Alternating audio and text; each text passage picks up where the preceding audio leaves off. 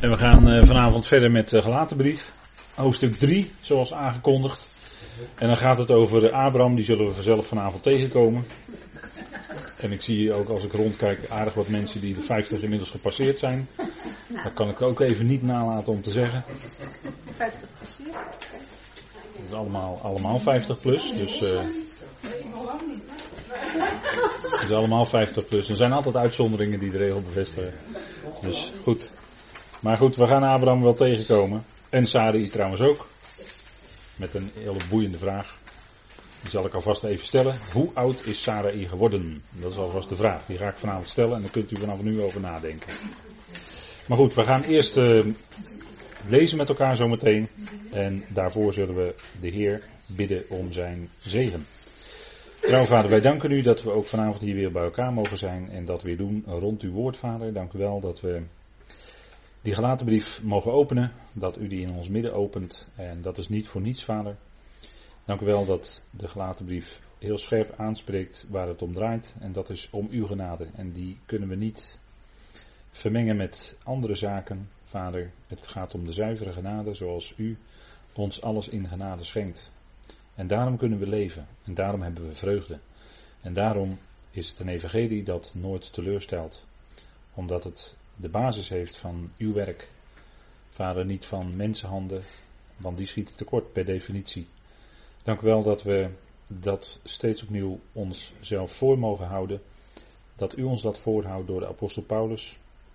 Dank u wel, Vader, dat we ook vanavond weer een aantal teksten met elkaar willen bekijken. Geeft u leiding door uw geest, geeft u inzicht en wijsheid. Opent u ons hart, opent u ons oor voor die waarheid van u. Dank u wel dat we met elkaar dat mogen spreken, spellen en ons erover verheugen, Vader, als gelovigen die geroepen zijn in Christus Jezus. Dank u wel dat we zo ook vanavond weer dat mogen ontvangen van u. Vader, wilt u daaraan uw rijke zegen geven.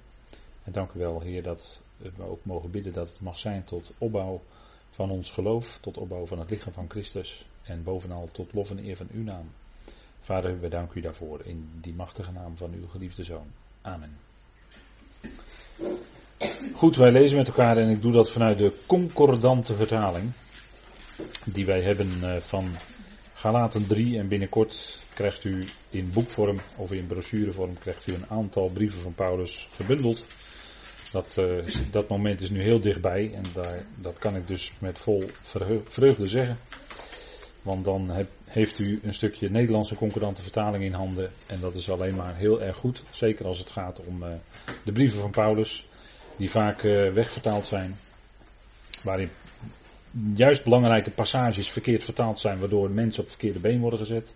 Elke keer als ze de NBG-vertaling lezen. Dus uh, we lezen dus vanavond om die reden uit de concordante Nederlandse tekst. En daar staat, vanaf 3 vers 1 lees ik met u. O onbezonnen galaten, wie betovert jullie aan wie Jezus Christus tevoren voor ogen gesteld werd als gekruisigd? Dit alleen wil ik van jullie leren. Ontvingen jullie de geest uitwerken van de wet? Of uit het horen van het geloof? Zijn jullie zo onbezonnen? Beginnend in geest worden jullie nu voltooid in vlees? Hebben jullie voor de schijn zoveel geleden? Als dat zo is, is het ook voor de schijn. Hij dan die jullie de geest schenkt en machtige daden onder jullie werkzaam doet zijn, ontvingen jullie de geest uit de werken van de wet of uit het horen van het geloof, zoals Abraham God geloofde en het hem gerekend werd tot gerechtigheid. Erken dus dat deze die uit geloof zijn, zonen van Abraham zijn. De schrift nu, die vooruitzag dat God de natieën uit geloof rechtvaardigt, verkondigde tevoren evangelie aan Abraham, in u zullen alle naties gezegend worden, zodat zij die uit geloof zijn, gezegend worden, tezamen met de gelovige Abraham. Tot zover. En wij gaan met elkaar nadenken over toch weer even vers 1. Dat hebben we de vorige keer ook al gedaan, maar dat is alweer een uh, tijdje terug. Dus denk goed om dat nog even te herhalen en wat, nog wat andere kanten te laten zien. Paulus begint met, als hij zijn uh, persoonlijke relaas, om het zo maar te zeggen, zijn persoonlijke historie, dat is het Griekse woord historeo, heeft verteld. Tot en met 2 vers 21, ook de confrontatie met Petrus, dat gedeelte is dan afgesloten. En dan gaat hij toch nu de gelaten weer rechtstreeks aanspreken. En dan zegt hij, o onbezonnen gelaten. Nou, dat is een leuke binnenkomer. Dat is nogal fors, want hij zegt dus dat zij onnadenkend zijn geworden. Onnadenkend, hè? Dat, dat is het woord onbezonnen eigenlijk. er zit het woord zin, zintuig, denken zit daarachter. Het Griekse woord voor denken, dat weet u wel, dat is nous, denkzin. En zij waren onnadenkend geworden. Dus hun denken was op een of andere manier meegesleept, was veranderd, was op het verkeerde been gezet, hoe moet ik dat zeggen? Ze dachten, ze konden niet meer helder nadenken. Ze waren onnadenkend geworden. En dan zegt Paulus uh, tegen hen, Galaten, dus hij spreekt ze aan, wie betovert jullie? En dat woord betoveren, dat zou ons toch wel even moeten doen schrikken. Dat is het Griekse woord baskaino. Dat zeg ik even erbij voor degenen die eh, misschien later meeluisteren en het Griekse bij open hebben. En dat heeft te maken met, in die tijd ook, met ogen. He, dan had je in die tijd had je dat, en dat is nog steeds wel zo hoor, maar in die tijd was dat vrij sterk daar in die regio's van het Midden-Oosten. Daar ging het om het boze oog. Weet u wel? Het boze oog dat alles ziet. En daar zijn uh, bepaalde mensen zijn daar ook bang voor. voor een oog, als ze één oog zien. men noemt dat ook wel het alziend oog. En daar zijn mensen bang voor. En dat heeft dan een geestelijke lading. Want het is toch niet te ver van huis. U zegt ja, dus dat heeft te maken met occulte dingen. Klopt, klopt. Maar ogen in de schrift hebben te maken met geestelijke dingen. als je dingen ziet met je ogen, dan is het natuurlijk letterlijk zo. Maar wij hebben toch ook verlichte ogen van ons hart. Er wordt ook gesproken over ogen. En dan gaat het om geestelijke dingen. En wat denkt u dat als er visioenen gezien worden door profeten, dat er dan raderen zijn die vol zijn van ogen? Wat denkt u daarvan? Dat is toch een heel raar visioen dan. Maar dat heeft te maken met Gods geest, met de werking van de geest. En ik heb het nu over Ezekiel, dan zit ik te denken aan die eerste hoofdstukken van Ezekiel.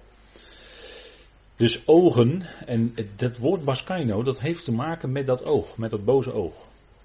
En uh, door een boos oog, zeg maar, of dat mensen daar gevoelig voor zijn, dat hun oog, dat, dat zij als het ware constant in de gaten gehouden zouden worden door een oog, of door ogen, voor, voor de mensen dan onzichtbaar, dat maakt mensen, hè, dat, doet, dat doet mensen onder een bepaalde ban komen, onder een bepaalde beklemming, onder een bepaalde fascinatie zou je kunnen zeggen. Kijk, het woord letterlijk heeft te maken met, uh, het kan ook te maken hebben met kwaadspreken of met fascineren. En fascineren, kijk, als iemand mensen fascineert, dan kan iemand dat doen door middel van de woorden die hij of zij spreekt. En daardoor mensen fascineren.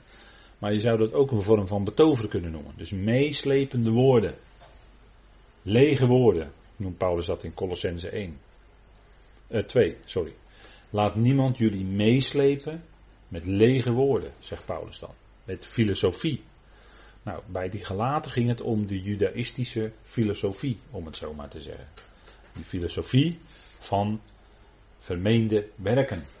Die wilden zij eraan toevoegen. Er waren judaïstische dwaalleraren, die waren daar gekomen. En die zeiden van nou ja, kijk die Paulus die heeft het wel over genade. Maar uh, ja, je moet ook wel wat doen. Je moet er toch wel iets van jezelf aan toevoegen. Want in de wet staat toch dit of dat. En dan Paulus gaat ook in het hoofdstuk 3 heel diep in op het principe van de wet. En op het principe wat daarmee samenhangt. Dat is het doen. Dus fascineren, is het misleiden door verkeerde voorstelling van zaken te geven. Kijk, vandaar dat bekende toverstokje, maar dat is niet zo erg vreemd hoor, dat, dat, dat ik dat erbij heb gezet. Want kijk, dat is, dat is, uh, dat is als het ware door middel van wat jij beweert, door middel van die woorden die jij spreekt, werkt dat als het ware als dat bekende toverstokje in tekenfilms, die al die figuren dan onder een bepaalde ban of, of ja, onder een bepaalde, in het Engels zeggen ze dan spel, hè. I put a spell on you. Dat is, ik, ik leg een ban op jou. Ik, ik, zorg dat jij in mijn macht komt. En dat kunnen mensen doen door middel van woorden. Hè. Dat we bijvoorbeeld uh, uh, hypnotiseurs die doen dat. Hè. Dat is wel een goed voorbeeld misschien. Hypnotiseurs. Die brengen mensen in een soort trance toestand. En dan gaan die mensen doen wat die hypnotiseur wil. En dat zijn zich op dat moment niet bewust. En dan zeggen we ja, daar blijven we ver van. Maar let op, in het geestelijk bereik hebben wij dat misschien niet eens door, dat het bij mensen gebeurt, dat woorden hypnotiserend kunnen werken als zij gesproken worden door mensen die iets anders voor hebben dan het werkelijke evangelie brengen. Kijk, als we het hebben over ligt niet tegen elkaar, hè, niet pseudo, dan zouden we ook geen pseudo woorden gebruiken. En dat betekent gezond woordgebruik in ons midden. Gezonde woorden. Wat zijn nou gezonde woorden voor ons? Nou, die woorden die Paulus spreekt. Die gezonde woorden. Hè? Uh, heb een keur van gezonde woorden, zegt hij tegen Timotheus. Die zijn opvolger was. Die moest doorgaan. En als het dan zo is dat Paulus het in Efeze heeft over spreekt waarheid en ieder met zijn naaste. Dan is de naaste, dan heb ik het niet op de hoogste niveau, maar dan ga ik één trapje lager. Dan heb ik het over de medegelovigen. Als je daar waarheid mee spreekt, dan is dat ook zo dat je dan zegt wat God zegt. Zegt wat de waarheid is voor deze tijd. Dat, dat zeggen. Dat is ook waarheid spreken met elkaar. En die gelaten, die waren van die waarheid, van die genade, waren ze afgebracht. Misschien heel subtiel. Door meeslepende woorden. Door dingen die ook uit de Bijbel gehaald werden. Die misschien uit de Torah, uit de onderwijzing die God aan Mozes gegeven had voor het volk Israël gehaald worden. Het kunnen allemaal hele mooie woorden zijn. Vrome woorden, meeslepende woorden. Maar als die de mensen afbrengen van dat fundament van de genade, dan sta je dus daarna niet langer meer op dat fundament. Nou, en dat, daar roept die, die gelaten eigenlijk bij terug. Hè. Wie betovert jullie? En dat bedoelt Paulus, judaïstische dwaalleraren. En hij wist dat maar al te goed, want hij kwam er zelf uit. Hij was opgegroeid aan de voeten van Gamaliel. Dus hij kende het judaïsme tot en met. Hij wist precies waar hij het over had hoor.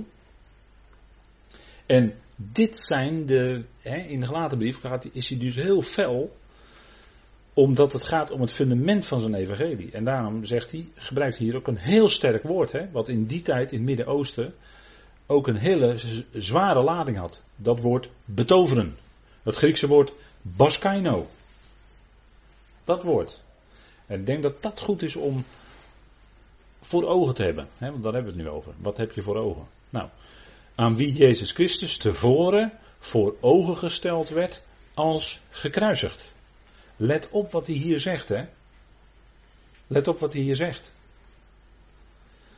Paulus heeft het niet over dat hij de Heer Jezus in zijn aardse wandel als evangelie voor de gelaten voor ogen heeft gesteld. Maar hij heeft ze voor ogen gesteld, Jezus Christus als gekruisigd. En natuurlijk is heel de schrift ons gegeven tot lering, tot onderwijzing, tot correctie enzovoort.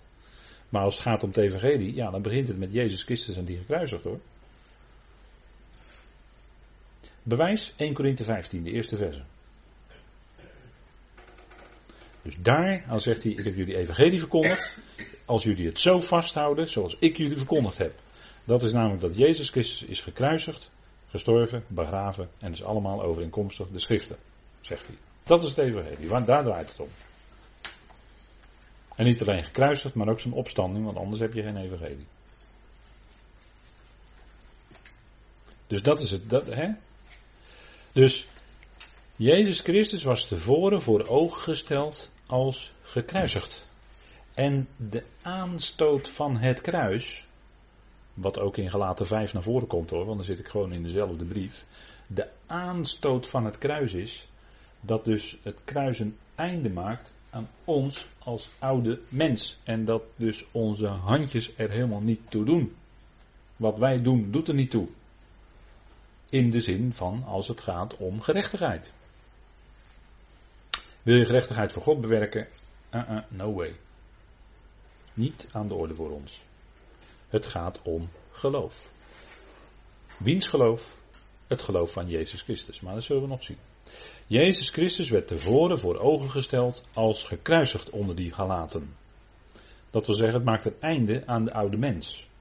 Het maakt het einde aan de oude schepping eigenlijk ook. Al het oude, dat is in feite aan de kant geschoven door God. En daarmee is ook dus alle zonde, de hele zonde van de wereld is gedragen. Hij werd voor ons tot zonde gemaakt. Opdat wij zouden worden gerechtigheid van God in hem. Dus dat is de boodschap van het kruis. Dat is een hele ernstige boodschap. Dat is een hele ernstige boodschap. En Paulus gebruikt het woord kruis, kruisigen en dergelijke. Veel ten opzichte van de apostelen van de besnijdenis. Want die gebruiken het eigenlijk niet.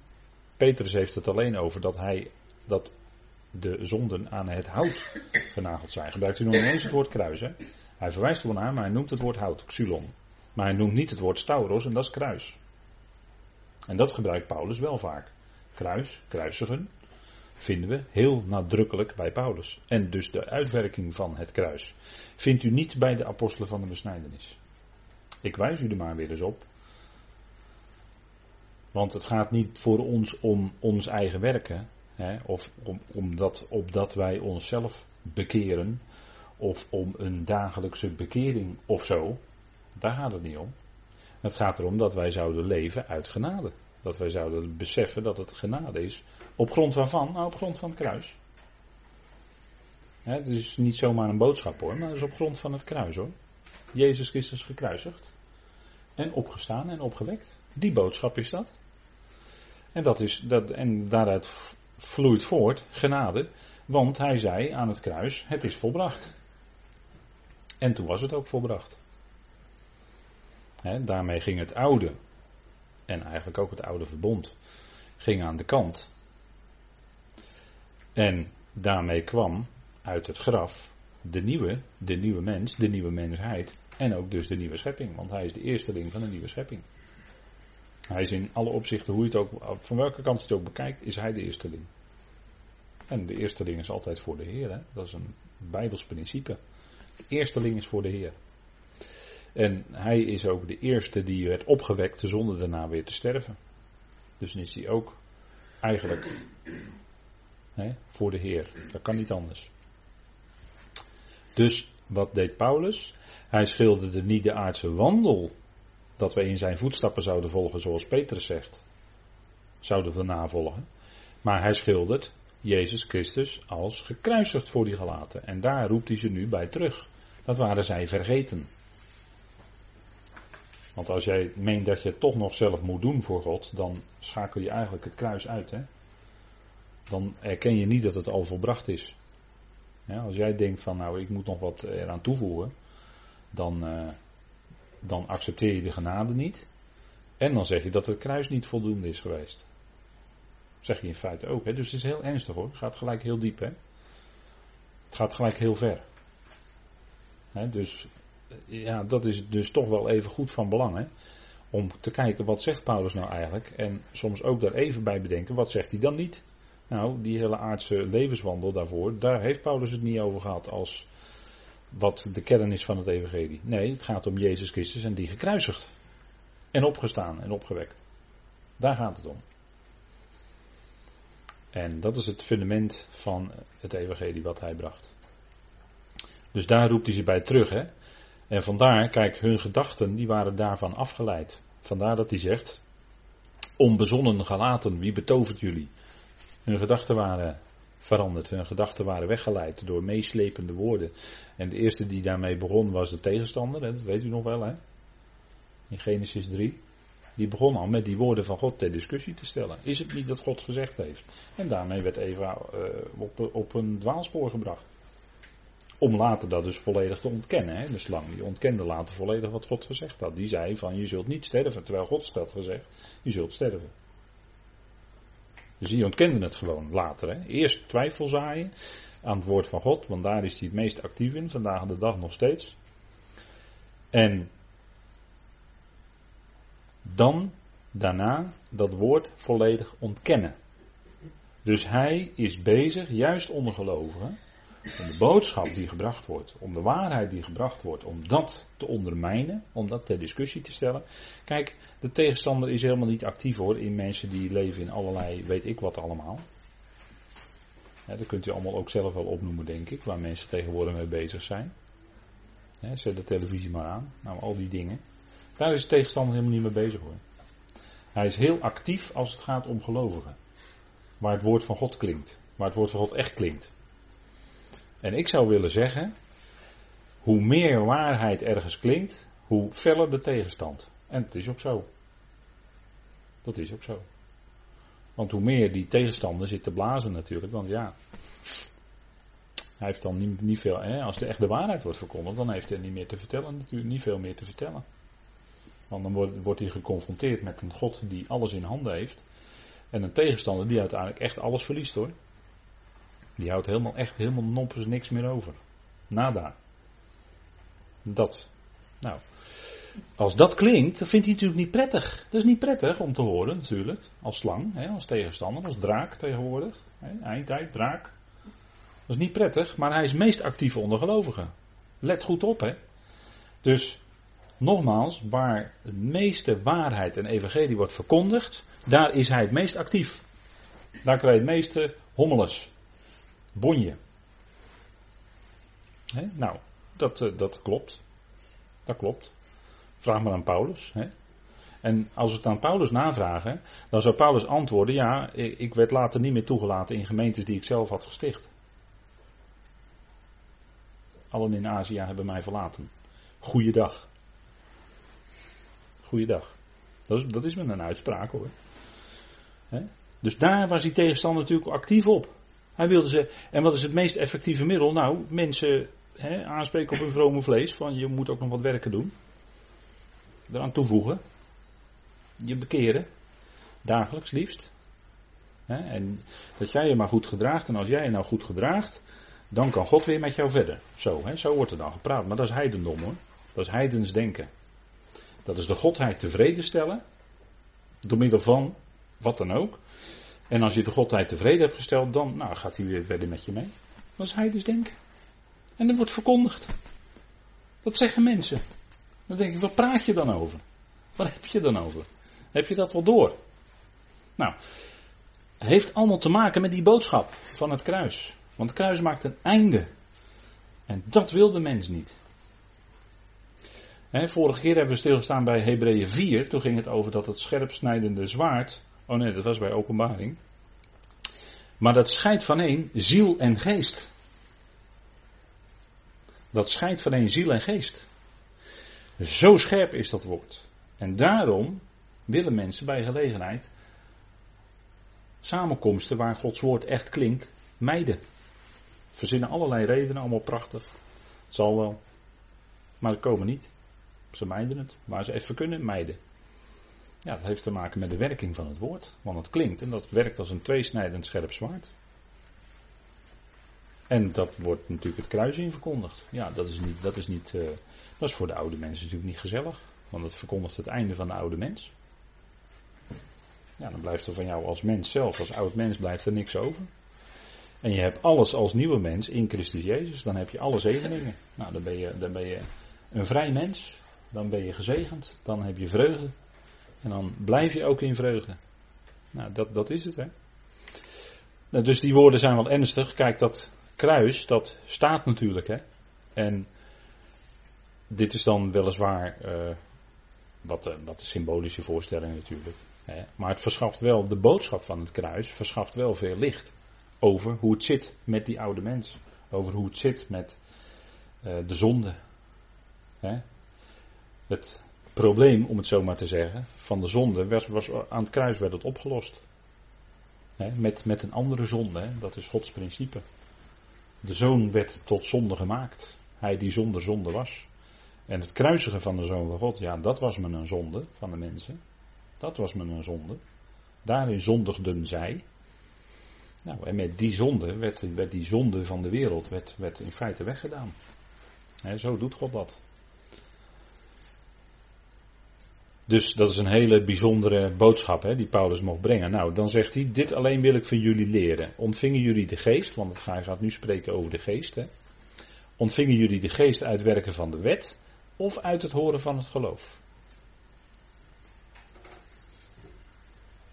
Nou, dat is dat, en hier roept hij eigenlijk die gelaten terug bij wat zij ook wisten, hè, wat zij gehoord hadden. Hè. En, en, en, dit is natuurlijk voor hen een vraag waar ze in feite zo het antwoord op zouden kunnen geven. Maar ze waren onnadenkend geworden, dus het zou misschien best een tijdje duren voordat de rijkwijde van deze vraag tot hen zou doordringen. Dit alleen wil ik van jullie leren. Wil ik van jullie leren, hè? zo kan je het ook nog lezen. Want Paulus was hun leraar natuurlijk. Hij is leraar van de heidenen, van de natieën in geloof en waarheid. Hè? 1 Timotheus 2. Paulus is de leraar van de heidenen. Let op hè. Daar zouden we dan ook naar luisteren. Dit, en, maar dan zegt hij, dit alleen wil ik van jullie leren. Ontvingen jullie de geest uit werken van de wet of uit het horen van het geloof? Nou, wat is de strekking? Hij heeft net, hij heeft net gesproken over Jezus Christus en die gekruisigd. Dus als we het hebben over het horen van het geloof, over, over wiens geloof gaat het dan eigenlijk hier? Christus. Uiteraard, uit het geloof van Jezus Christus. Hè. Dat hebben we ook in Galaten 2 vers 16 natuurlijk uitgebreid kunnen lezen. Daar heeft hij het gezegd. Het geloof van Jezus Christus, of het geloof van Christus Jezus, heeft hij daar ook nog zelfs genoemd. Nou, Galaten 2 vers 16, hè, duidelijk. Dus het geloof van Jezus Christus, daar gaat het om. Dus zij hadden de geest ontvangen doordat zij hoorden van zijn geloof, van het geloof van Jezus Christus. Dat Jezus Christus alles volbracht had. Dat hij dat, die wandel had gedaan in geloof. Dat hij tot en met het kruis geloofde dat vader hem zou opwekken uit de dood. Dat was zijn geloof hoor. En dat geloofde hij op grond van Tenach. Op grond van vele beloften, profetieën. En ook in allerlei typen en beelden was het natuurlijk al aangekondigd. Alles wat te maken heeft met de derde dag in de schrift, nou dat heeft te maken met opstanding. En dat wist de Heer natuurlijk. Dus hij wist dat vader hem zou opwekken op de derde dag. Dat had hij ook voorzegd. Een keer of vier, weet u wel, in de Evangelie heb je vier aankondigingen van het lijden. En dan sprak hij niet alleen over zijn lijden, maar dan sprak hij ook over het feit dat hij opgewekt zou worden. En dat geloof, daar hadden zij van gehoord, van zijn geloof, dat hij in dat geloof was gestorven en dat vader hem had opgewekt. Daar hadden ze van gehoord en dat was in hun hart en leven gaan werken. En de apostel had er natuurlijk voorgehouden dat zij dus niets hoefden te doen, maar dat zij alles konden ontvangen en vader gewoon konden danken voor wat hij gegeven heeft. Niet dat zij iets moesten presteren om iets te ontvangen, maar ze konden gewoon danken voor de genade die hij al gegeven had in Christus. Voor de verzoening die hij al tot stand gebracht had. Daar konden ze voor danken. Nou, dat is, dat is het enige. Maar dan doe je toch niks. Dan dank je God voor wat je al ontvangen hebt. En, en, en het hart waarin God werkt. Hè? En God opent de oren. Denk maar aan Lydia de purperverkoopster. Hè? Dat Paulus daar gaat spreken. En dan staat er zo bij dat de Heer opende haar hart. Nou, dat doet de Heer dus. Dat hij ons hart heeft geopend voor het woord. Dat is zijn werk. Dat wij geloven, dat is het werk van zijn geest in ons. Ga het alsjeblieft niet denken dat het je eigen werk is hoor. Want dan kom je gelijk in de kramp. Dat is punt 1. En punt 2 is, je, je eigent je toe als een stukje eigen werk. Uh -uh. Geloof is het principe dat overeenstemt met genade. Wilt u het bonnetje erbij hebben, Romeinen 4, vers 16? Dan hebt u het. Hè? Nou, die principes die horen bij elkaar. Werk van de geest, genade, geloof. En dan zegt u, ja, dat, dat heb je al zo vaak gezegd. Goed, hou ik het u nu opnieuw voor, opdat u het nooit meer zal vergeten.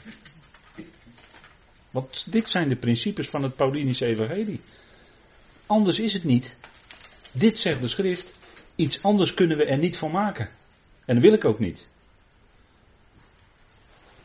Want het staat er. Daar kunnen we toch niet omheen. We zouden toch waarheid met elkaar spreken. Nou, dit is de waarheid. En als je het anders spreekt en je gaat zaken met elkaar vermengen, dan is het pseudo. Dat is de, dan leef je in de leugen hoor. Dan heb je misschien hele mooie, vrome gevoelens, allemaal prachtige verhalen, maar het is niet de waarheid. Sorry. Maar ze hadden die geest ontvangen uit werken van de wet. Nee, ze hadden die geest ontvangen uit het horen van het geloof. Niet uit die werken van de wet. En ook niet uit eigen gemaakte regeltjes, want die wil ik er dan ook gelijk wel bij zetten. Want dat is allemaal hetzelfde principe. Maar het gaat om geloof. En dank God alsjeblieft voor die heerlijke genade die Hij daarin geeft. En want dat is wat, wat je hart blij maakt en blij houdt. En al wat andere brengt je vroeg of laat in de kramp en je raakt je vreugde kwijt en je bent kwijt. Je ervaart het niet meer. En dan krijg je zo'n uh, woestijngevoel dat het droog is en dorstig.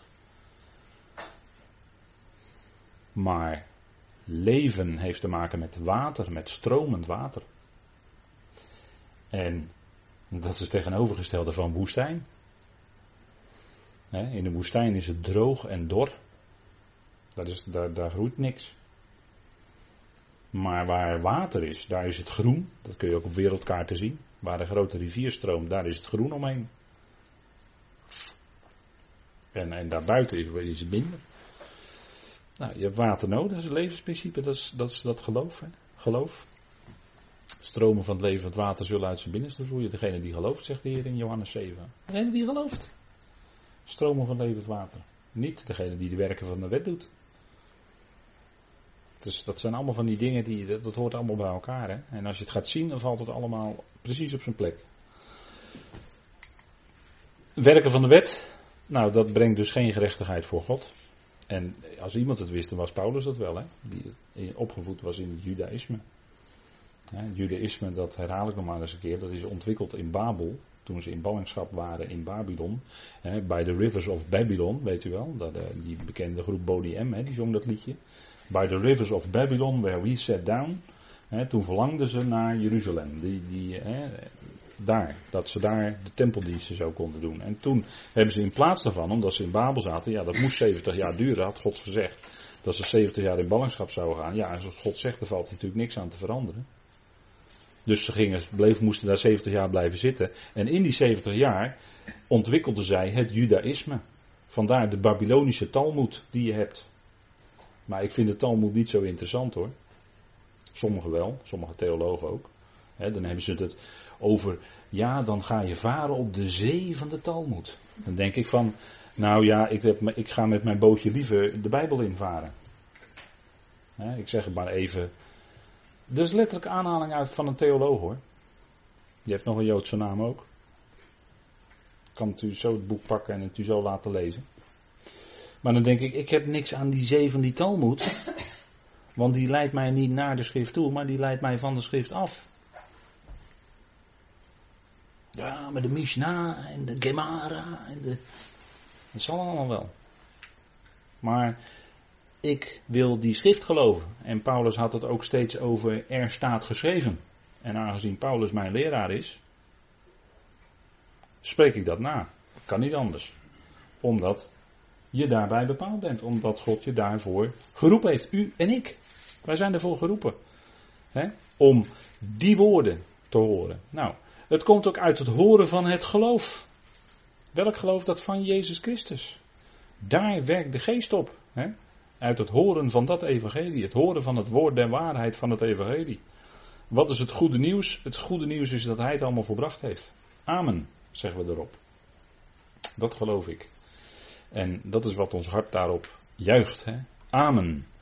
En toen ging die geest in ons werken. Toen werden wij verzegeld met die geest van de belofte de heilige. Die een onderpand is van onze lotgenieting. Tot vrijkoping van het voor ons toegeëigende, hè? zegt Efeze 1. Geweldige woorden. En die woorden, hè, die zorgden ervoor, hè, die waarheid van het evangelie zorgde ervoor dat wij verzegeld werden met de geest van de belofte de heilige. En dan hebben we helemaal daarna geen aparte ervaring van de doop in de Heilige Geest meer nodig. Hebben we niet nodig. We zijn al lang gedoopt in de Geest. We zijn veel geestelijker dan u denkt. En dat is allemaal door horen naar het geloof van Jezus Christus. Horen van het woord van de waarheid. Daar komt het allemaal door. Hè? En niets anders dan dat. Dus, kijk, uitwerken van de wet, daar werkt geest niet op. Want dan zeg je eigenlijk van ik doe het zelf wel. Maar als je hoort door naar het geloof, dan gaat die geest in jou werken. En dan gaat die geest van binnenuit door jou heen werken naar anderen toe. En die gaat jouw leven veranderen. Maar dat is een werking van binnenuit. En dat is niet doordat jij het ernstig gaat proberen het zelf te doen. Doe het alsjeblieft niet. Want het gaat vroeg of laat gaat het helemaal fout. Nou, kijk, dit is weer zo'n gospel one-liner. Daar zit ik wel eens wat in te grasduinen. En soms vind je wel eens wat leuks. Deze, deze vind ik ook wel aardig eigenlijk. De mens verandert het woord niet. Het woord verandert de mens. Kijk, dat vind ik wel een leuke. He? Dat vind ik wel aardig. De vorige was over die televisie, weet u wel? Weet u hem nog, van die televisie? Ja. He, tijd voor God vrijmaken is erg moeilijk als je de hele avond televisie moet kijken. Dat was er ook een. Maar die vond ik ook wel aardig. Deze, maar deze is ook wel aardig, hè? De, de, mens die, die, eh, die wil soms dat woord manipuleren. Die wil dat woord naar zijn hand zetten. Maar zo werkt het natuurlijk niet. Kijk, het is precies andersom. Dat vind ik eigenlijk wel grappig van deze zin. Het woord verandert de mens. De mens verandert het woord niet. Nee, het is precies andersom. En, en het is natuurlijk uh, een mooi programma, God verandert mensen. Maar ja, als ik zo'n programma hoor, dan denk ik wel eens van waar zit dat woord van God nou eigenlijk in dit hele verhaal? Maar goed, dat is dan een persoonlijke verzuchting. En later hebben ze het genoemd de verandering, hè, want dan moest God moest eruit. Dan heet het de verandering, weet je wel. Want dan zoekt de EO meer aansluiting bij de moderne mens, weet je wel. Zo. Alsof hij daarmee de moderne mens bereikt. Nou, die bereikt hij daar echt niet mee hoor. Dat is nog altijd Gods werk en je moet gewoon evangelie prediken. En daar werkt God op. Al of niet. En als iemand het niet accepteert, nou ja, goed, dan is hij kennelijk niet geroepen. Jammer. En dan gaan we gewoon vrolijk verder. Maar dat evangelie moet klinken. Het evangelie is een kracht van God tot geredding. Niet hoe wij ons aanpassen naar de moderne mens.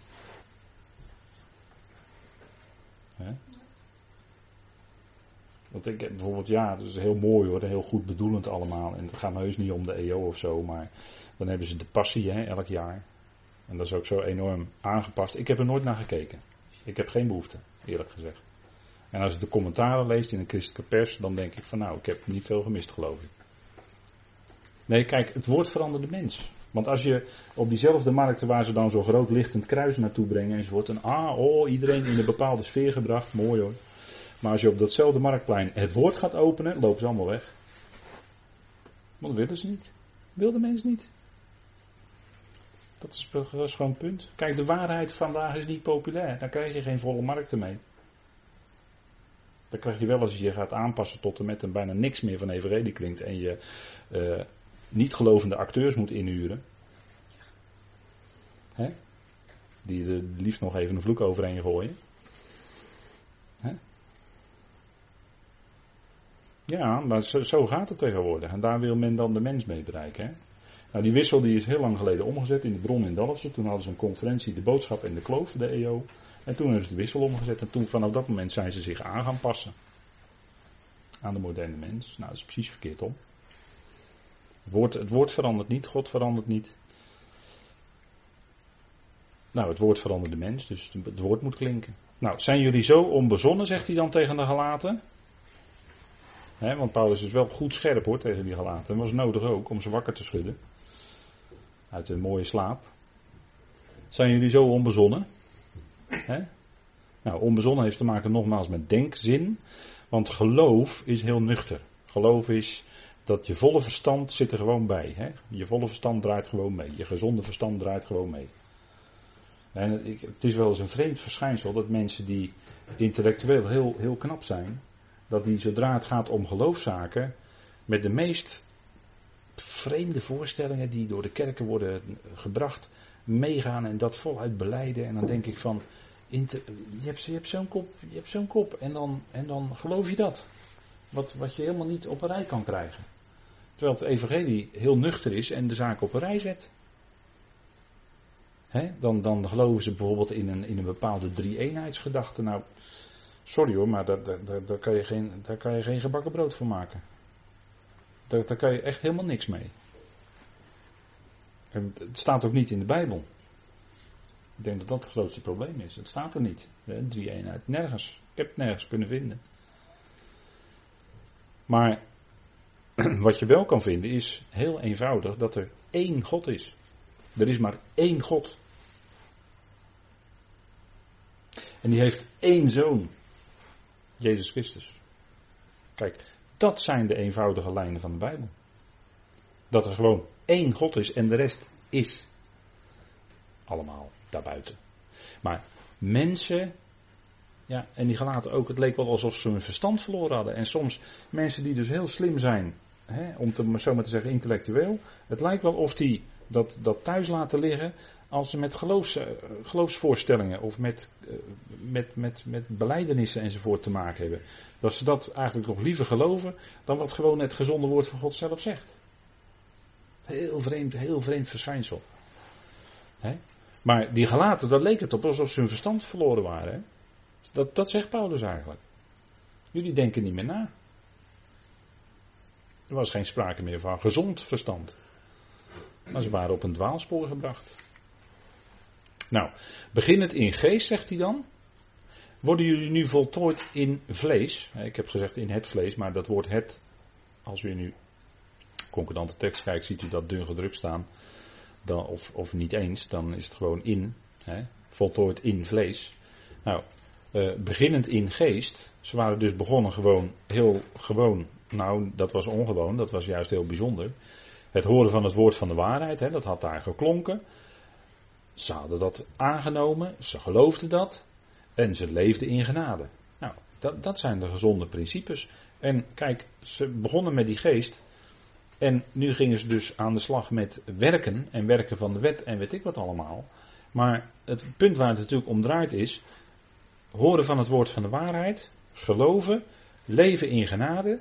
Zo is het begonnen en zo blijft het. Zo blijft het. Waar, waar wij loskomen van dat horen naar het woord, ja, dan ga je automatisch uh, meer de kant op van het vlees, zeg maar. maar als je oor steeds te luisteren legt bij dat woord van God, ja, dan, dan blijft die geest van God ook in je actief, om het zo maar te zeggen, blijft werken. en, en, daarom kan ik me eigenlijk niet voorstellen dat je met één preek van zondag, of één predikatie, of één spreekbeurt, hoe je het zeggen wil, met één spreekbeurt van zondag, dat je daar dan de hele week mee uh, leeft of zo. Ik kan me dat echt niet voorstellen hoor. Ik denk dat je echt door de week ook wel dat woord nodig hebt. Lijkt mij. Althans, dat is mijn ervaring. Ik weet niet wat uw ervaring is, maar. Hè, je kan niet één op zeven lopen. Maar, hè, één op één denk ik. Ik denk dat je toch wel dagelijks dat woord van God nodig hebt. Ook al is het misschien maar een klein stukje wat je leest, maar even je gedachten en je hart daardoor laten bepalen. Nou, dat, dat is het, hè. En liefst natuurlijk luisteren. En tegenwoordig heb je trouwens hele mooie dingen. Je hebt MP3-spelers, dat is leuk, hè. En smartphones, er zit alles in, dan kan je gelijk bellen, maar dan kan je ook MP3's luisteren. Een idee misschien. Ja, handig hoor. als je bijvoorbeeld een rondje aan het hardlopen bent, kan je lekker luisteren. Heerlijk. Nou, zo blijven leven horen van het woord van de waarheid, geloven dus, en leven in genade. Want het blijft te allen tijden genade. Want het gaat in de gelaten brief om het dagelijks leven. Kan dat niet genoeg benadrukken hoor, ik blijf dat zeggen. Er zijn er die dat anders beweren, maar dat is niet waar. In de gelaten brief gaat het om geloven in het dagelijks leven. En dat is ook in genade. Het is niet zo dat het beginpunt van jouw redding alles in genade is en daarna moet je ook zelf heel hard aan de slag. Nee, het blijft in genade. Dat wil niet zeggen dat je niks meer doet. Dat hoort u mij ook helemaal niet zeggen. Maar je moet niet proberen eigen werk eraan toe te voegen. Als een stukje gerechtigheid voor God. Dat is het punt. Maar je doet wel een hoop. Paulus deed toch ook een hoop? Nadat hij in genade gered was. Zei hij toch ook zelf? 1 Korinthe 15 zie ik weer in dat hoofdstuk. Een paar versen verder. Vers 10, 11, hè, 19, 11, zo, die koers. Lees maar eens na hoe die daarover spreekt. Ik heb meer gearbeid dan ze allen. Hoe? Genade. Was niet zijn kracht, maar was kracht van genade. Nou, dus zo zijn we gered. Horen, geloven, leven in genade. En zo blijven we leven. Het simpel, hè? Het is eigenlijk allemaal niet zo moeilijk. Maar het wordt wel moeilijk gemaakt hoor. Kijk, het gedrag van de gelaten. Zij waren dus begonnen in geest, hè, want Paulus stelt natuurlijk die vraag, maar feitelijk stelt hij vast dat zij dus waren begonnen in, in geest, hè, op een geestelijke wijze, maar ze, ze dreigden nu te voltooien in vlees. Ze waren bezig met vlees, met werken, hè, onder regels leven enzovoort. En kijk wat zegt Johannes 6, vers 63, dat, daar zegt de Heer zelf. De geest maakt levend, het vlees doet geen nut. ze waren bezig met hun vlees. En geest is nu eenmaal altijd verbonden in de Bijbel met leven. Geest brengt leven voort. God blies in Adam de geest. De Nishmat Chaim staat er dan. De ademen van het leven, maar dat is natuurlijk zijn geest, want God, als God blaast is het geest, want God is geest. Dat kan niet anders. En bij vlees, ja, dan, dan is het werken. Hè? Vorige keer heb ik die tekst aangehaald uit uh, Hebreeën 7. En er wordt, daar spreekt de Hebreeën schrijver over het vleeselijke gebod. Het gebod wat dus gelegd was op vlees. En waaraan het vlees van Israël dus niet kon voldoen. Maar dat wilde God nou demonstreren aan de mensheid. Daarom legde hij de Torah op het volk Israël als één grote demonstratie. Als één grote illustratie.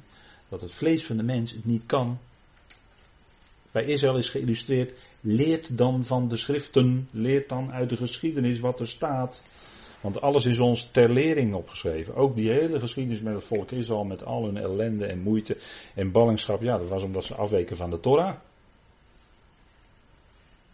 En God had gezegd dat ze dan in ballingschap zouden gaan. En dat gingen ze ook. En hij zal hun weder aannemen. Staat ook allemaal in de Torah. Dat staat er gewoon allemaal. Maar het illustreerde wel dat waar Israël probeerde uit hun vlees, dat lukte niet. Al wat u gesproken heeft, zullen wij doen. Exodus 19. Dat zullen we allemaal doen. En ze deden het niet.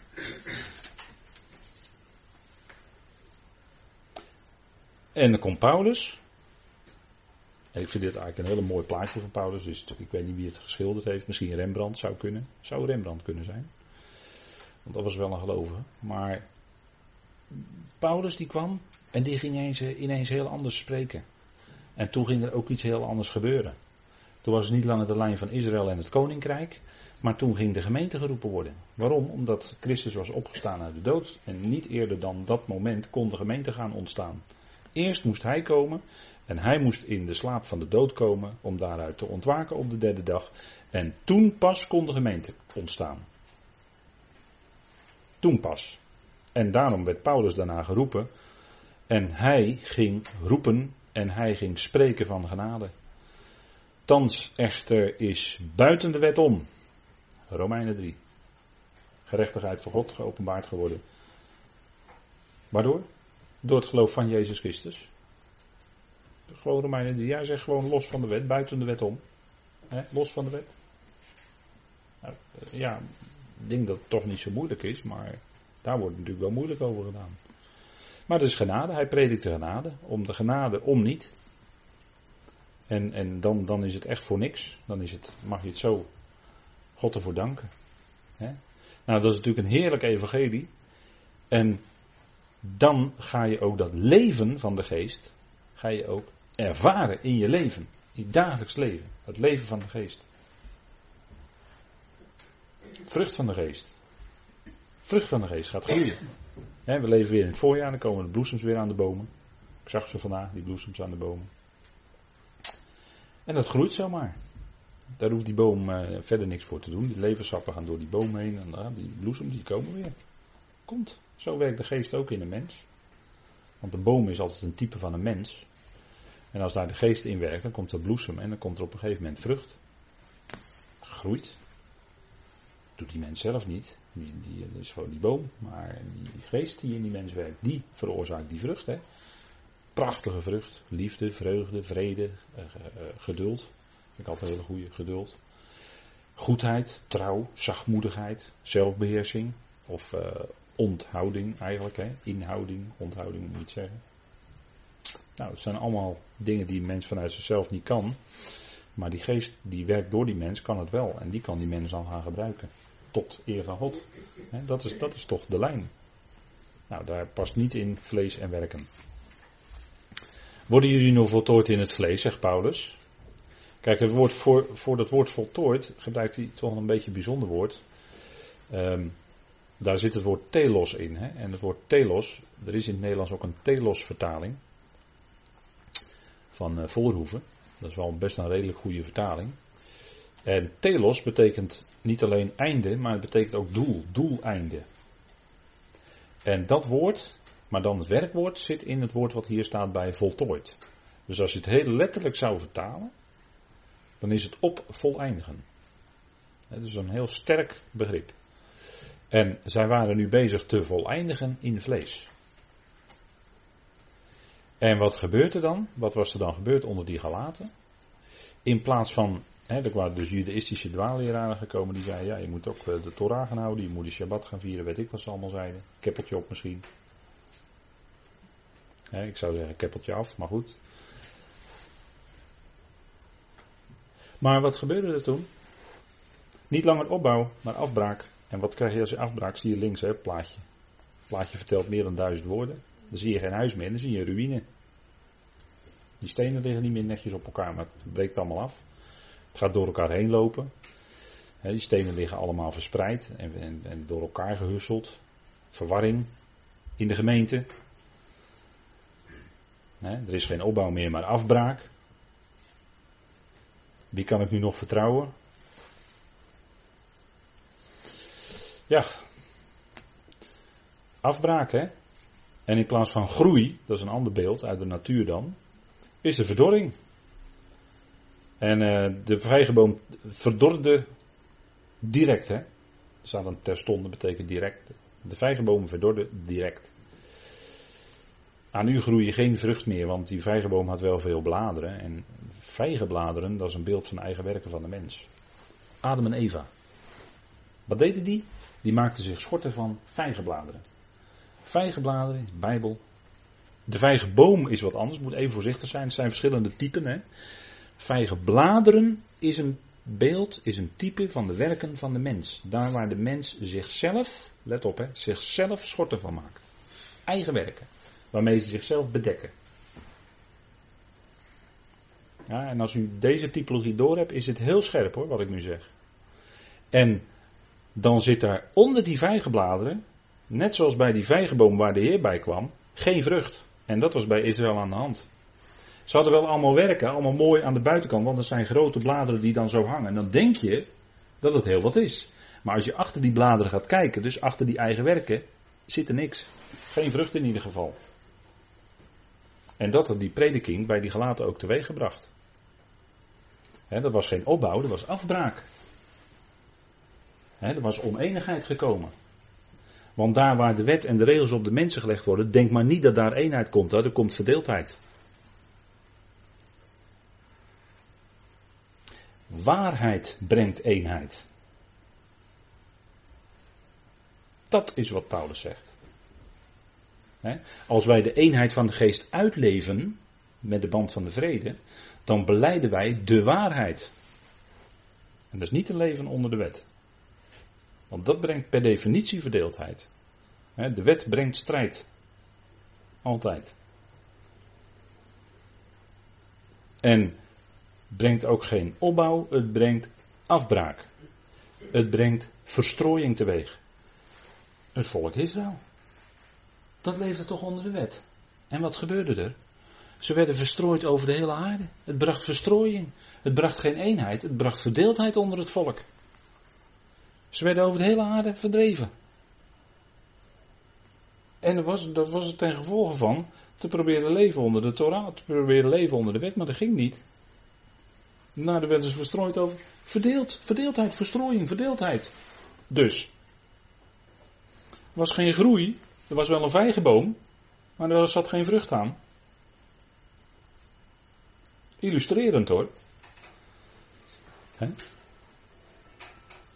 Kijk, dat zijn de typen die in de Bijbel staan. Hè? U kunt ze zo oprapen. Maar het is allemaal hetzelfde principe. En dit is natuurlijk geweldig, hè, een vlinder. Een vlinder is eigenlijk een nieuwe schepping. Hè?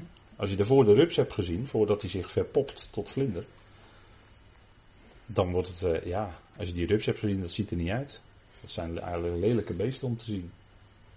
En die eten zich helemaal ongans aan die bladeren. En dan hebben ze dat allemaal opgegeten en dan gaan ze zich verpoppen en dan wordt het een vlinder. En de vlinder is al prachtig, hè? dat is een nieuwe schepping. Dat is een totaal nieuwe schepping. Ik vind dat altijd een prachtig illustratie in de natuur van de verandering van een oude naar een nieuwe schepping. Want je ziet eigenlijk in die vlinder zie je eigenlijk niks meer terug van die, eh, van die uh, rups, die pop die het was. Hè? Als het een pop is, is het helemaal lelijk. Maar die vlinder is prachtig met al die kleuren. Hè? Schitterend. Nou, dat is toch prachtig beeld van een nieuwe schepping. En wat is het dan geweldig dat wij in Christus een nieuwe schepping zijn, zegt Paulus. Nou, dan zie je toch, dan zie je hele andere kleuren hoor. Want daarvoor was het allemaal grijs en grauw in ons leven. En toen kwam de verandering door het evangelie. En toen kreeg, het toen kreeg ons leven ineens kleur. En toen ging het ineens eh, heel anders eruit zien in ons leven. En ging het heel anders kleuren, ons gedrag. Nou, dat is, dat is prachtig hè.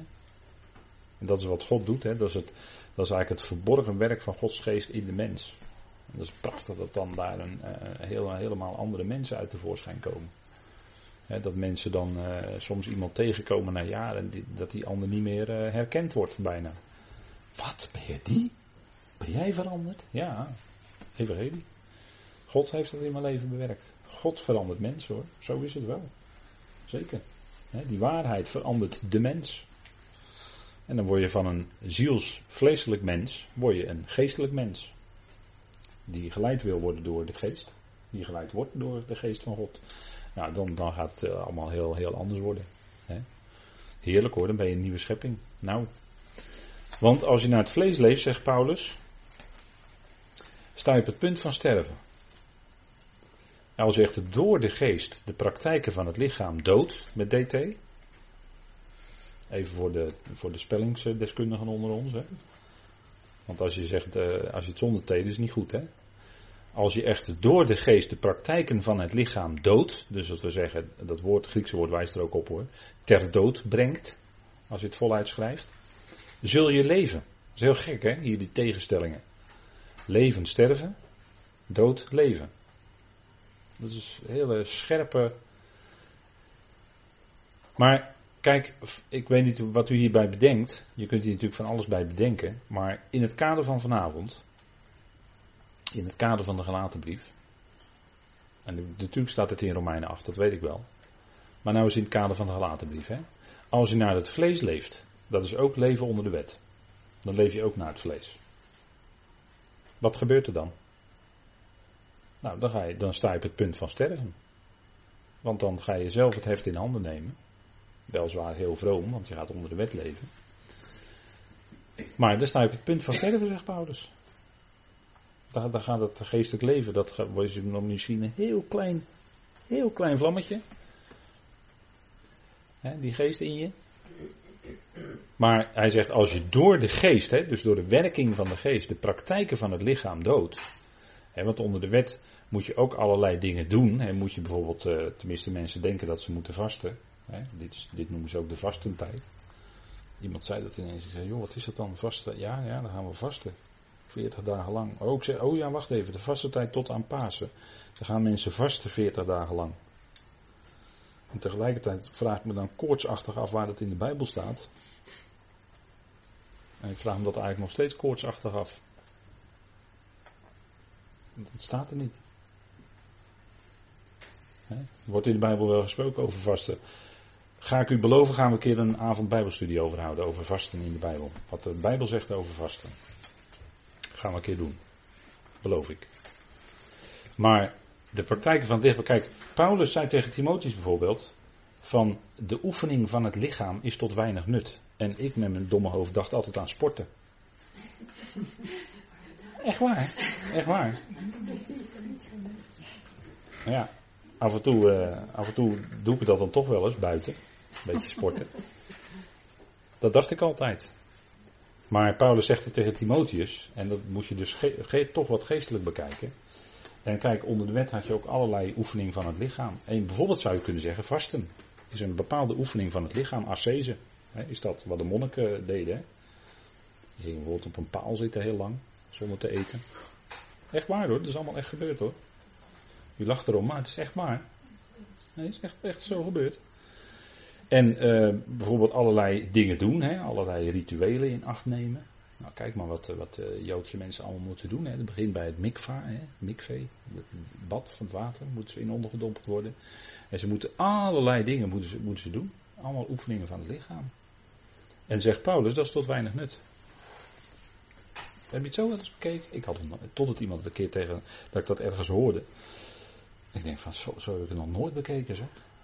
Moet je zo over nadenken. Nou, zo dacht ik ook deze tekst. Moet je eens over nadenken.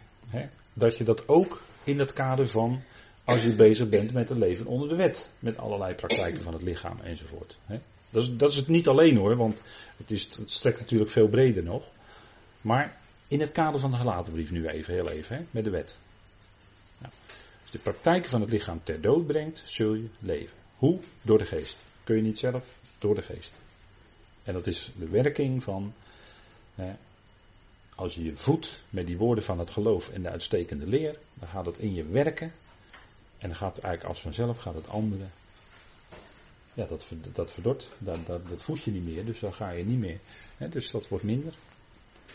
Nou, zul je leven. En dan gaat het leven in je, dat geestelijke leven. Dat leven van Christus, want daar gaat het over in Romeinen 8. Dat gaat dan in je meer in je doorwerken en leven en toenemen. En dat wordt dan eigenlijk de hoofdmoot in je leven, als het goed is. En dan zie je ook niet meer links dat die woestijn, maar dan zie je dat rechterplaatje. Dat is bewust hoor, links en rechts, bewust zo gedaan.